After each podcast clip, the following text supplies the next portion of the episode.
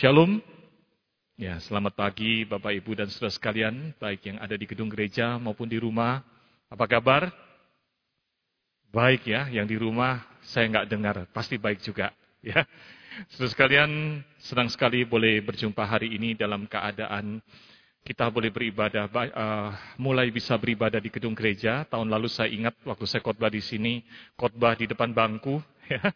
Tapi hari ini kita boleh beribadah bersama. Hari ini adalah minggu tukar mimbar GKY.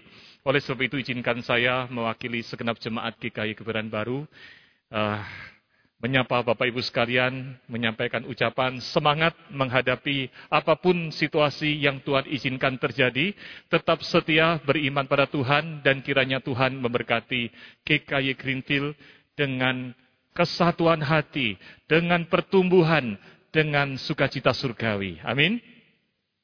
Nah, saudara sekalian, hari ini kita akan merenungkan satu bagian firman Tuhan.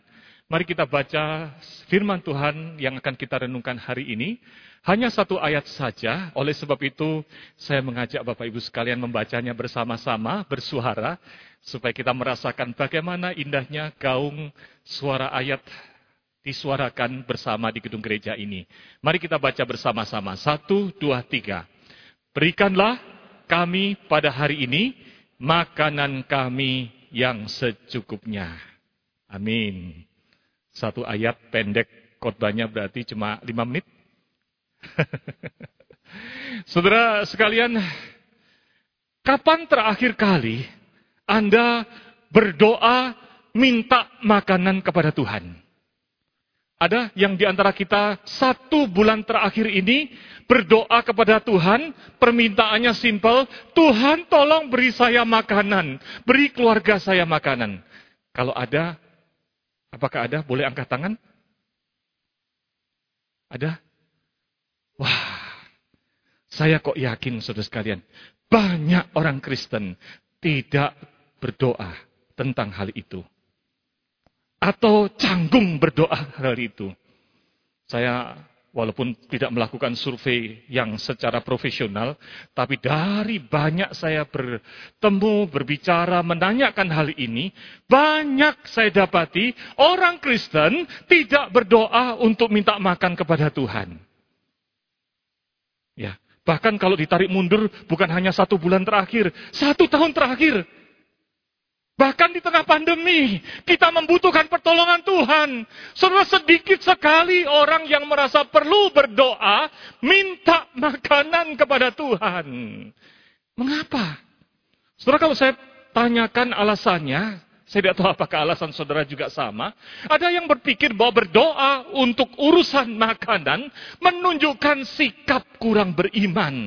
Musa Petrus, bukankah firman Tuhan berkata, Tuhan Yesus sendiri yang berkata di Matius, burung pipit di udara, Tuhan eh, tidak menanam tapi Tuhan beri makan. Betul ya? Jadi saya percayakan aja sama Tuhan. Ngapain urusan makanan didoakan seperti orang tidak percaya? Betul ya? Mungkin itu alasan saudara sehingga tidak mendoakan hal itu. Hal yang kedua, saudara sekalian, ada juga yang berkata bahwa topik doa tentang makanan atau minta makanan, ini kok kayak, kayaknya kurang rohani. Kalau berdoa buat gereja itu rohani. Benar ya? Gereja buat pertumbuhan iman. Tuhan berikan saya pertumbuhan iman tampaknya rohani. Tapi saudara minta maaf. Yang mengajarkan berdoa minta makanan itu siapa? Halo? Tuhan Yesus. Doa yang tadi kita baca, itu adalah doa yang diajarkan oleh Tuhan Yesus sendiri. Ketika para murid bertanya dan meminta, Tuhan ajarkan kami berdoa.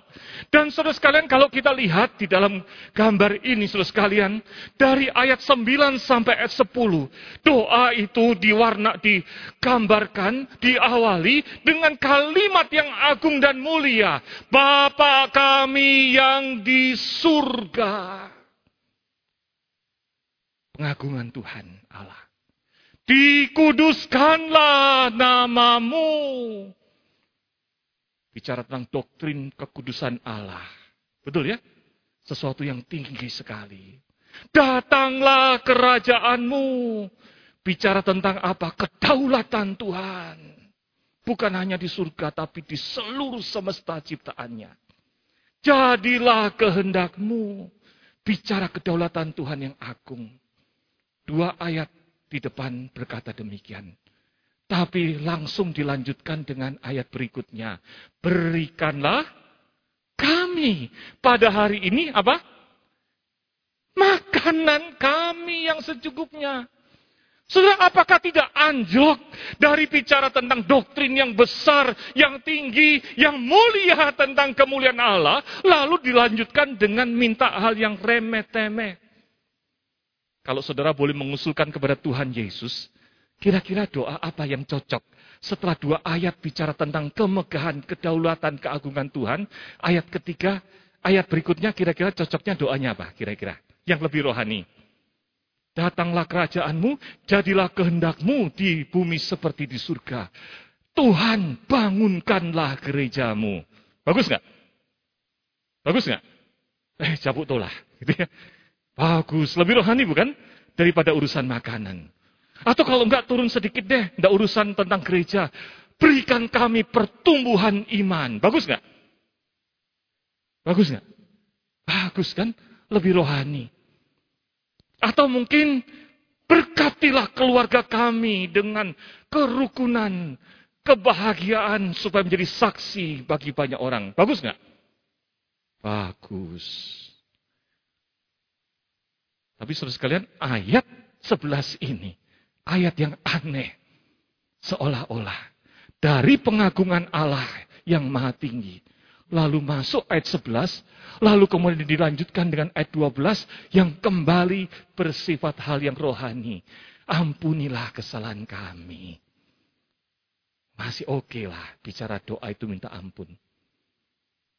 Kalau gitu pertanyaannya, apa maksud Tuhan mengajarkan doa untuk minta makanan ini?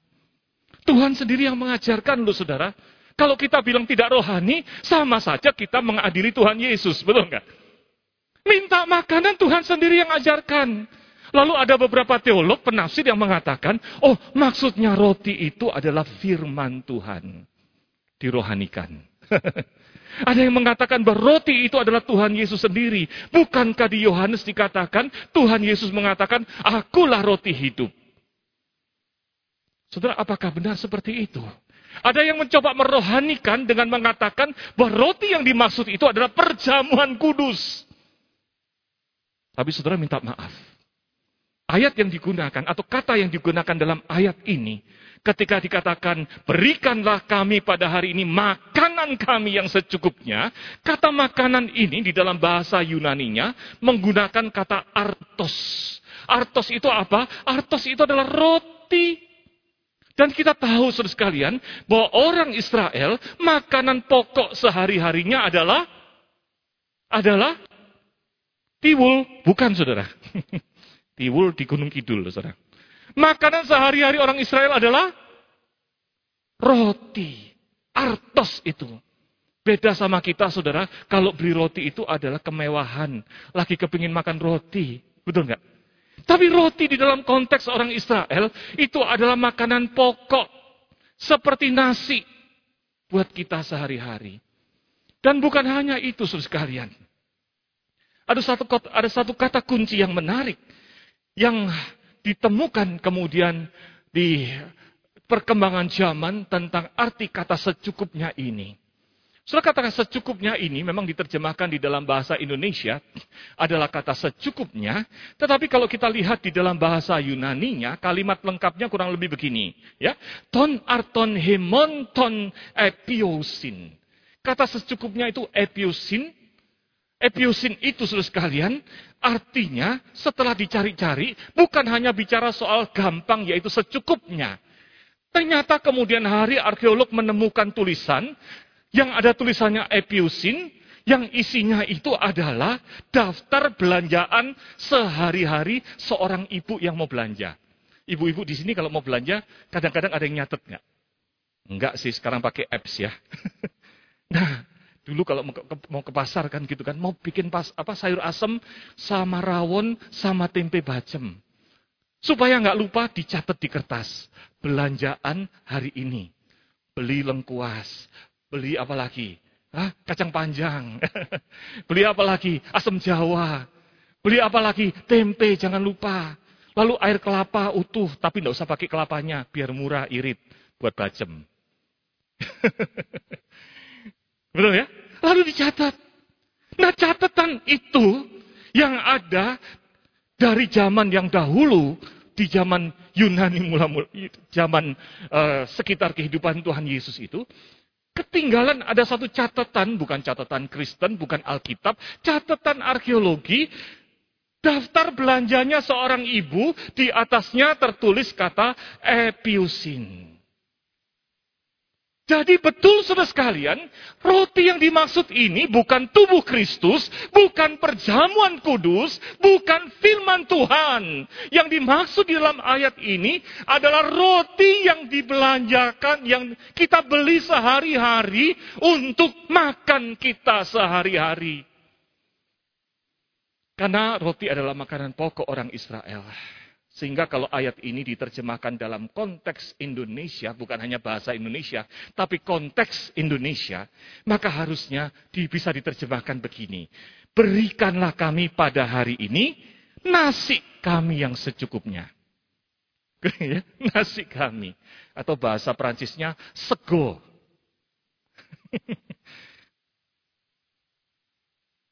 Betul-betul bicara tentang keperluan perut kita. Saudara sekalian, kalau gitu pertanyaannya, mengapa dari pengagungan Tuhan yang mulia, lalu Tuhan Yesus mengalihkan kepada urusan perut, baru kemudian urusan pengampunan dosa? Saudara, saya suka apa yang ditulis oleh Arsis Prul. Arsis Prul berkata begini, Roti adalah simbol yang kuat dari penyediaan atau pemeliharaan Tuhan bagi umatnya di perjanjian lama. Ya, kita tahu pada waktu umat Israel keluar dari tanah Mesir. Lalu kemudian mereka di perjalanan mulai ngedumel. Tuhan, ah, dia ngedumelnya pada Musa, bukan? Musa, kenapa kamu ajak kami keluar dari tanah Mesir? Di sana tempat yang banyak dagingnya, bawang merah, bawang pre. Saudara baca, saudara, urusan dapur sampai ditulis detailnya. Bawang merah, bawang pre, ada. Jadi Alkitab itu lengkap, ada kata bawang pre-nya juga. Betapa hitung-hitungannya orang Israel dan komplainnya orang Israel. Padahal dibebaskan dari Mesir. Nah, tapi Tuhan kemudian menyediakan pemeliharaan. Tuhan menegur mereka, aku membebaskan engkau, dari Mesir. Dan aku sanggup memelihara engkau. Maka Tuhan berikan apa? Roti dari surga. Mana. Mana itu bukan hal yang rohani, betul-betul makanan fisik untuk perut manusia. Dan itu menunjukkan apa? Menunjukkan simbol pemeliharaan Tuhan bagi umatnya. Amin. Sehingga kemudian apa artinya? Doa Bapak kami ini diselipi dengan kata, berikanlah makanan yang secukupnya. Terus saya suka apa yang dikatakan oleh William Barclay. William Barclay di dalam bukunya, dia berkata begini. Permohonan berikanlah makanan yang secukupnya itu.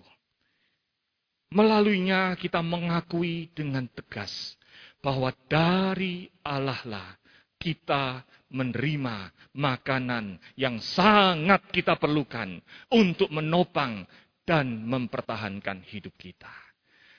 Menunjukkan pengakuan kita tidak ada sumber lain bagi kehidupan saya. Tidak ada sumber lain dari kecukupan saya.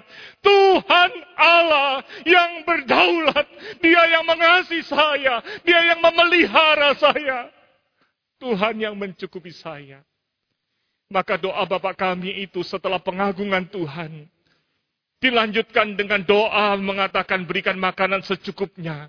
Itu bicara tentang pengakuan Tuhan yang Maha Kudus, Bapa yang di surga yang agung mulia, kami ini mengakui Engkaulah sumber sumber kehidupan kami, sumber untuk pemeliharaan kami. Tidak ada yang lain di dunia ini kecuali Engkau Tuhan. Amin. Itulah sebabnya saudara sekalian, poin pertama ini penting. bagi kita pada hari ini. Akuilah kedaulatan Tuhan dalam memelihara hidup Anda melalui permohonan atas kebutuhan sehari-hari Anda. Kalau tadi saudara mengatakan, ah sudah jarang berdoa buat urusan sehari-hari. Doanya terus pandemi, kebangunan gereja, kerohanian. Tuhan mengatakan, kita perlu berdoa untuk kebutuhan kita. Karena berdoa untuk kebutuhan kita itu menunjukkan pengakuan kita atas Tuhan Sang Pemelihara. Satu-satunya pemelihara. Pengakuan kita atas kebergantungan kita baik sebagai ciptaan maupun umat kepada Tuhan. Saudara tidak mendoakan kebutuhan fisik karena menganggap Tuhan hanya peduli urusan rohani, itu sama saja menganggap rendah kemampuan dan kepedulian Allah di dalam memelihara dan menyediakan kebutuhan fisik kita. Tidak perlulah yang ini nggak usah didoakan pada Tuhan. Itu sama aja apa? Satu, kita anggap Tuhan tidak peduli. Sama aja apa? Kita menganggap Tuhan tidak mampu. Sama aja dengan apa? Sama aja dengan kita mengatakan, saya lebih mampu dari Tuhan. Saya pernah beberapa kali menceritakan di GKI Greenfield, saya besar dari keluarga yang miskin, ya jatuh bangun lah. Kadang kaya, kadang miskin, tapi banyakkan miskinnya. Seringkali pernah mengalami makan nasi aking, nasi yang bekas nasi yang dijemur, direbus lagi, dikasih garam, makan gitu aja. Sehingga dari kecil saya terlatih untuk mencari Tuhan. Kalau saya sedih, saya kesulitan, saya lari di kolong ranjang, dulu ranjang besi, betul ya? Lalu kemudian masih ingat ya ranjang besi zaman dulu, ranjang besi kan tinggi ya. Lalu kemudian dikasih belabak kayu, baru kemudian kasur, kasur apa kapuk. Di situlah saya merosot bahasa Prancis lagi. Ngelusup di bawahnya. Di bawah ranjang itu berdoa menangis. Dan dari situ saya selalu rutin berdoa. Tuhan, berikanlah berkatmu bagi papi pada waktu kerja. Supaya kami bisa makan. Doa dari kecil itu terus menerus saya naikkan. Sehingga setiap hari sampai saya besar, saya berdoa bahkan sampai hari ini. Berikan makanan kami yang secukupnya. Saudara mungkin berkata, Loh, Musa Petrus, kan sudah dicukupi sama Tuhan. Nasi di rumah ada 10 kilo, 20 kilo masih berasnya. Betul ya? Masih ada indomie buat cadangan kalau banjir. Musa Petrus kalau lihat wajahnya, nggak kelihatan orang miskin, agak gemukan. Betul ya? Sejak COVID, kena COVID Maret yang lalu saya tambah gemuk. Ya, karena seru jakpau. Kok masih minta lagi makanan? Kayak orang gak beriman sama Tuhan. Saudara saya pernah suatu hari. Karena saya merasa kok saya tiap hari minta makanan sama Tuhan ya. Lalu kemudian saya berhenti berdoa satu bulan. Tidak berdoa. Berikan pada hari ini ya Tuhan makanan buat saya. Buat keluarga saya. Buat Cici di Semarang. Buat Mami di Surabaya. Tiap hari saya doakan itu. Tapi suatu hari saya berhenti. Karena saya merasa Kok rasanya awkward ya? Ada ada beras 10 kilo di dapur, ada indomie banyak satu kotak di dapur, ada roti, ada apa? Maling, daging babi yang kalengan, ya. Gak ada rendang babi, saudara. Tapi kok masih doa minta makanan? Sehingga saya katakan mungkin saya salah berdoa. Satu bulan saya berhenti. Tapi belum sampai satu bulan. Tuhan menegur saya. Petrus, kenapa kamu tidak berdoa? Minta makanan. Kamu sudah merasa mampu menyediakan makanan buat dirimu sendiri. Mengapa kamu tidak berdoa minta makanan? Kamu anggap aku tidak mampu menyediakan buat kamu. Mengapa kamu tidak minta? Apakah engkau anggap aku tidak peduli untuk urusan makanan, untuk urusan fisikmu? Apakah engkau sudah hebat sehingga tidak memerlukan aku? Saudara, tadinya rencana satu bulan saya hentikan satu minggu saja. Tuhan terima kasih. Sekarang saya tahu mengapa saya tiap hari harus perlu berdoa kepada Tuhan. Berikanlah ya Tuhan hari ini makanan kami yang secukupnya. Di tengah pandemi ini, saudara sekalian, kita perlu semakin menyadari kedaulatan Tuhan yang memelihara kita. Kepedulian Tuhan yang memelihara kita. Kebergantungan kita kepada Tuhan, Sang Pemelihara itu. Amin. Apalagi yang kita pelajari dari ayat yang singkat ini.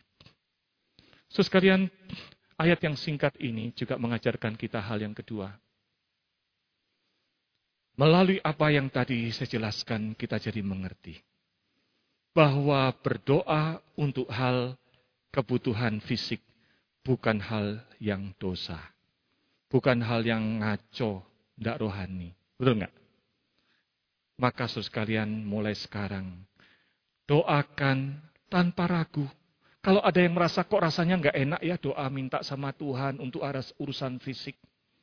Maka mulai sekarang saudara, doakan tanpa ragu kebutuhan Anda kepada Tuhan. Karena Tuhan itu berkuasa. Tuhan itu peduli dan mau memenuhi kebutuhan rohani. Ya, dan mau memenuhi kebutuhan rohani dan kebutuhan fisik Anda. Apalagi setelah di tengah pandemi ini banyak masalah bertubi-tubi. Mari datang tanpa ragu. Kalau saudara merasa bahwa rasanya kok tidak nyaman ya berdoa urusan fisik, minta yang fisik. Tuhan katakan, Tuhan peduli untuk itu. Makanya dalam doa Bapa kami, Tuhan sungguh-sungguh mengatakan, mengajarkan untuk meminta kepada Tuhan. Amin. Banyak perkara yang tak dapat ku mengerti.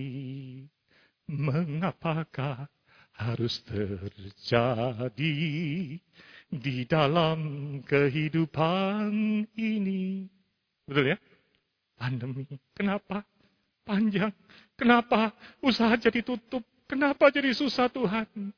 Satu perkara yang kusimpan dalam hati. Tiada sesuatu yang terjadi tanpa Allah peduli, Allah mengerti, Allah peduli. Segala persoalan yang kita hadapi tak akan pernah dibiarkannya ku bergumul sendiri sebab Allah peduli. Amin. Jangan ragu. Bawa kepada Tuhan. So sekalian, apa yang Anda bayangkan berjalan bersama Tuhan sebagai murid Tuhan? Kadang-kadang orang Kristen terjebak Hubungan saya sama Tuhan itu adalah hubungan halal yang rohani. Berjalan sama Tuhan sebagai murid Tuhan itu adalah belajar doktrin, belajar Alkitab. Berjalan sama Tuhan itu adalah retreat tiap hari. Membaca, membicarakan hal-hal rohani selama 24 jam sehari. 7 hari seminggu, 365 hari dalam setahun. Itulah harusnya murid Tuhan. Saudara benar, kita harus baca firman Tuhan bertumbuh. Tapi jangan lupa, berjalan bersama Tuhan Yesus, Guru yang agung itu. Juga meliputi makan bersama Tuhan Yesus. Dari makanan yang disediakan Tuhan kita. Amin. Pemuritan satu hal, belajar firman Tuhan. Tapi aplikasi dari iman itu adalah apa? Hidup bukan hanya bersama dengan Tuhan, tapi hidup dari apa yang Tuhan sediakan. Itulah berjalan bersama Tuhan.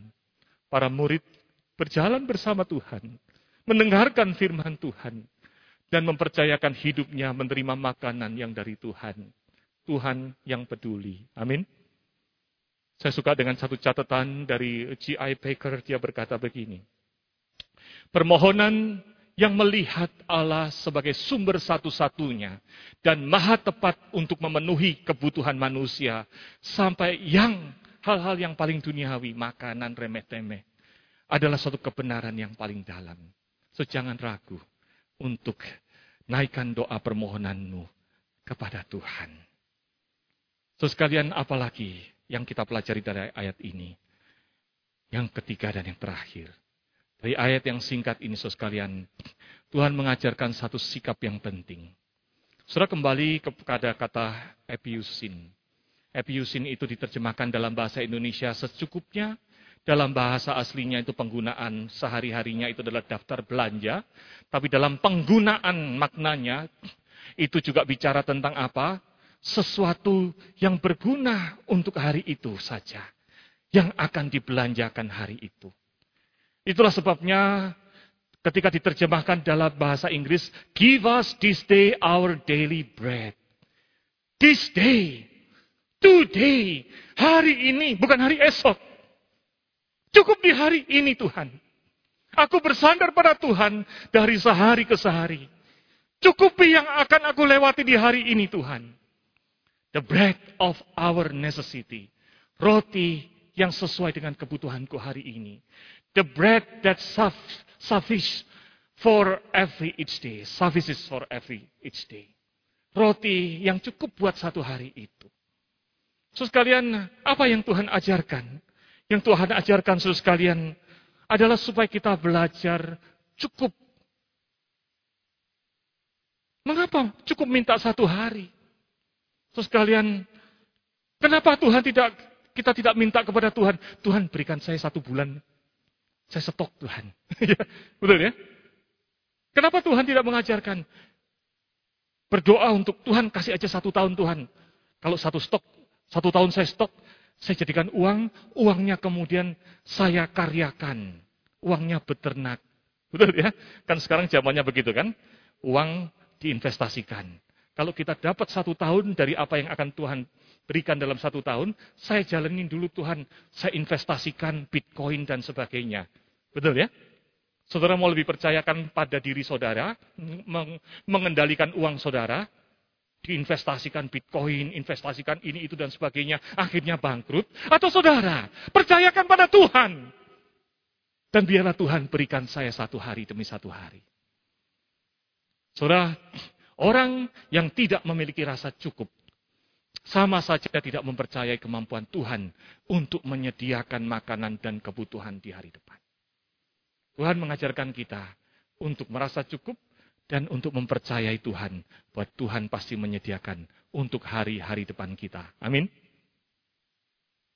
Melalui bergantung tiap hari, kita menjadi semakin dekat dengan Tuhan.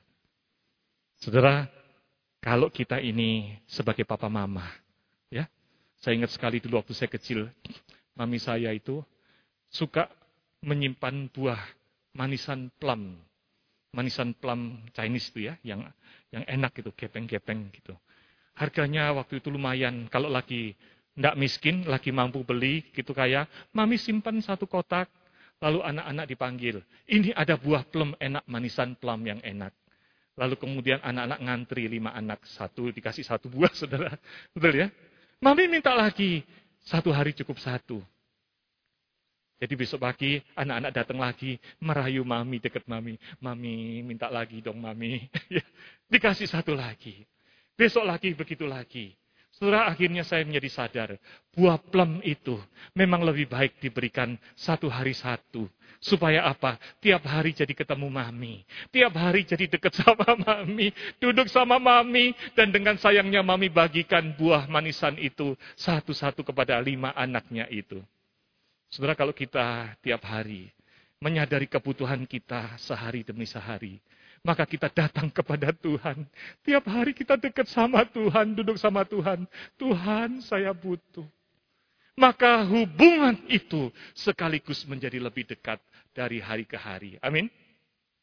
Penyediaan rasa rasa cukup itu sekaligus kemudian melatih kita untuk tiap-tiap hari datang kepada Tuhan, bergantung pada Tuhan, dan mengalami efek yang indah, yaitu persekutuan yang indah dekat dengan Tuhan. Saudara jangan takut meminta secukupnya untuk sehari. Pada dasarnya sering kali Allah lebih sering memberikan lebih dari kebutuhan sehari kita. Betul nggak? Beras di rumah hari ini, siapa yang berasnya cuma cukup hari ini? Ada sih mungkin ya. Tapi kebanyakan dari kita masih punya beras buat seminggu. Persediaan makanan buat seminggu, masih ada? Tabungan masih cukup buat hidup sebulan? Ya, paling tidak seminggu cukup ya? Tuh. Jadi bukan hanya sehari-sehari, Tuhan kadang memberikannya, lebih sering memberikan lebih dari sehari. Betul ya? So sekalian jangan takut untuk itu. Oleh sebab itu belajarlah merasa cukup hanya dengan pemeliharaan Tuhan. Temui Tuhan setiap hari, dapatkan pemeliharaannya setiap hari dan nikmati persekutuan kasih dengan Tuhan tiap hari melalui rasa cukup itu. Amin. Saudara, di waktu perang Korea, Para pekerja sosial dari Kanada dan Amerika datang dan kemudian mereka merawat anak-anak orang Korea yang terlantar karena orang tuanya meninggal dan sebagainya. Mereka dirawat di kemah penampungan. Yang menarik adalah anak-anak itu banyak yang tidak bisa tidur. Mengalami insomnia, tidak bisa tidur. Anak kecil insomnia. Lalu kemudian para pekerja sosial bingung. Apa yang harus dilakukan untuk anak-anak kecil yang insomnia ini? Memang mereka sedih, dikonseling, dihiburkan, diajak main dan sebagainya. Tapi malam hari susah tidur. Nah, saudara akhirnya para pekerja sosial memanggil seorang ahli psikologi, seorang psikolog yang uh, baik, pandai. Lalu kemudian psikolog ini mencoba melakukan pemetaan apa masalah anak ini. Lalu kemudian psikolog itu mengatakan satu nasihat. Nasihatnya begini. Berikan roti sebelum anak-anak ini tidur. Wah, pekerja sosial tersinggung. Pak, minta maaf Pak psikolog. Kenapa? Kami ini mencukupi kebutuhan mereka. Makan pagi, susu, roti, siang, dan sebagainya. Bahkan snack dan sebagainya. Malam hari kami berikan makanan cukup. Kenapa kita harus dikatakan harus nambahin roti? Memangnya kita tidak care sama anak-anak ini? Lalu kemudian psikolognya berkata begini, bukan. Bukan, bukan itu maksud saya. Anak-anak ini tidak bisa tidur bukan karena kelaparan. Anak-anak ini tidak bisa tidur juga bukan karena sedih orang tuanya meninggal. Anak-anak ini setelah kami petakan tidak bisa tidur karena mereka tidak tahu, karena mereka tidak yakin apakah besok masih bisa makan. Insecure. Merasa tidak yakin apakah untuk besok ada makanan. Jadi apa dong kalau gitu nasihatnya? Lalu kemudian psikolog itu menasihatkan, potong roti kecil, taruhkan ke tangan mereka yang kecil. Saudara, percaya nggak percaya, pekerja sosial ini kemudian melakukannya. Dan betul, malam hari sebelum tidur mereka dipasangin roti seperti yang dilakukan di foto ini. Dan begitu tangan yang kecil itu menggenggam roti yang ada. Lalu mereka semua bisa tidur nyenyak. Orang yang khawatir, insecure, besok bisa makan atau tidak, akibatnya bisa tidak tidur, bisa gelisah. Saudara, itu adalah hal yang wajar di tengah dunia ini.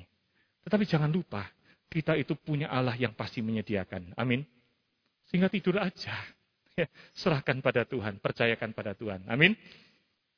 Saudara Arsis Prul berkata begini, terkait dengan peristiwa yang Korea ini. Roti itu tidak dimaksud untuk dimakan. Itu hanya dimaksudkan untuk dipegang oleh anak-anak saat mereka pergi tidur. Itu adalah yang disebut dengan security blanket bagi mereka. Mengingatkan mereka bahwa akan ada persediaan untuk kehidupan sehari-hari mereka. Nah, saudara, pertanyaannya sekarang adalah, kalau gitu apa yang menjadi security blanket Anda? Kalau yang menjadi security blanket Anda, yang menjadi selimut yang membuat Anda jadi percaya diri, rasa aman, rasa secure menghadapi besok adalah karena punya nasi di rumah, punya beras di rumah, punya tabungan yang cukup di rumah, maka saudara sekalian engkau salah mengandalkan selimut, memakai selimut. Karena uang kita bisa lenyap, investasi kita bisa gagal, kehidupan bisa berubah. Tapi Tuhan yang Maha Kasih tidak pernah berubah. Amin. Maka saudara, letakkan rasa secure kita kepada Tuhan dan hadapi dengan sukacita. Ada satu kalimat menarik secara sekuler, bukan dari Alkitab, berkata begini, insecurity ya, kills all that beautiful. Rasa tidak secure itu merusak hal-hal yang indah. Kalau saudara hidup tidak secure, tidak tidak yakin akan masa depan akibatnya sering mengedumel, komplain sama Tuhan, marah dan sebagainya. Tapi kalau kita tahu bahwa Tuhan Allah menyediakan, saya percaya anak-anak Tuhan, GKI Jemaat GKI Greenfield menjadi jemaat yang penuh sukacita, iman menghadapi ke depan. Amin. Mari kita berdoa. Bapak kami yang ada di dalam kerajaan surga, kami mohonkan ya Tuhan, Engkau melawat setiap kami. Kami yang kadang merasa risih berdoa untuk kebutuhan kami. Karena kami rasa kok tampaknya kurang rohani. Hari ini Tuhan kami jadi belajar bahwa melalui kami berdoa, mohon pertolongan Tuhan, mohon makanan sehari-hari. Kami sekaligus mengakui Engkaulah sumber penghidupan kami, sumber kehidupan kami dan sekaligus sumber penghidupan kami. Kami bersandar ya Tuhan padamu. Tanpa engkau kami tidak sanggup Tuhan hidup di tengah dunia ini. Tolong Tuhan teguhkan iman kami, percaya pada Tuhan, mempercayakan diri pada Tuhan, dicukupi oleh Tuhan dan selalu ya Tuhan, merasa cukup hanya dengan Tuhan, tidak mencoba dengan cara-cara yang tidak Tuhan perkenan. Tuhan berkatilah jemaatmu di mana pun berada. Mungkin hari ini ada yang betul sisa beras di rumah tinggal sedikit tidak ada uang, tabungan, makan besok tidak tahu seperti apa. Mungkin di antara mereka pernah mengalami keadaan seperti yang hambamu alami. Oh Tuhan, tolong lawatlah dalam kasih-Mu, cukupilah kebutuhan mereka. Demikian juga mereka, ya Tuhan, kalau ada di antara kami yang Tuhan berkati dengan lebih dari sehari kecukupannya. Bahkan punya cadangan lebih dari setahun. Tuhan, ajalah kami tetap bersandar pada Tuhan, sumber kehidupan dan penghidupan kami. Teguhkan iman kami di dalam nama Tuhan Yesus kami berdoa. Amin.